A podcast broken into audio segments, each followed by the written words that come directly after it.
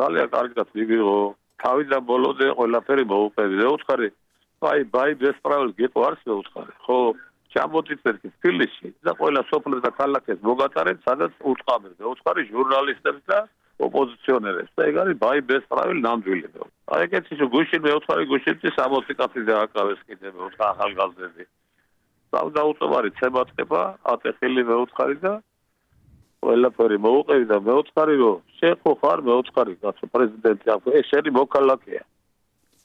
ხო და შენ მე ხო უნდა წაიყონ მე გამიწ რომ ვანა თქვენ ამას თავს მოვოთ ის შეიძლება იქ დაბრიწოთ აი ეგეთი ლაპარაკი იყო და ეს წუთში როგორც კი საღამოს უკვე დაიწყო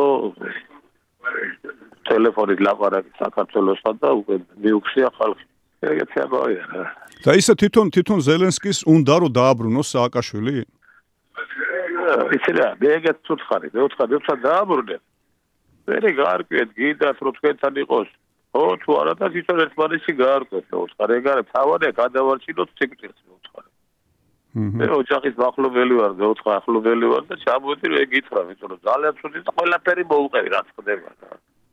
ეგ კაი ბიჭია ახლა მაგას იქაც აწვევია, კაი, ეგ თავის ტიპში. ხოდა იმ წუთში როგორც კი მითხრა ხო და 2 საათში უკვე დაიწყო ამაზე მუშაობა.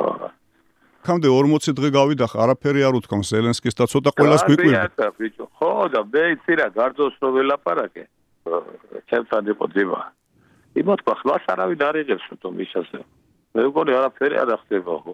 ეს ის მაგას ის დიდი ოპოზიცია ყავს მისას, იმიტომ რომ ეს ძინარი ხალხი ყველა მაგის წინააღმდეგ არის. ის ჭირდება ფული დაკარგვა და ესა. ხო და აი ეგრე იყო რა.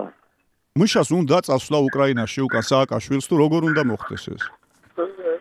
ესე არის, ალბათ უნდა ვიტყვი რომ შენ ნახე გადაღებული კადრები ვაფშე რა ფიშებს. კი, ყველაფერი ვნახე, რა თქმა უნდა, ბოლო. სატელევიზიო ესენი თუ არ წავიდნენ მაკედა საერთოდ. ვაშე მე საქართველოს წავიდე, მე თორე ქვეყანა ეკნება, უკვე ვეღარ ამოძრეო მაგინეთა. უბედურებით, ჩაუბიდა.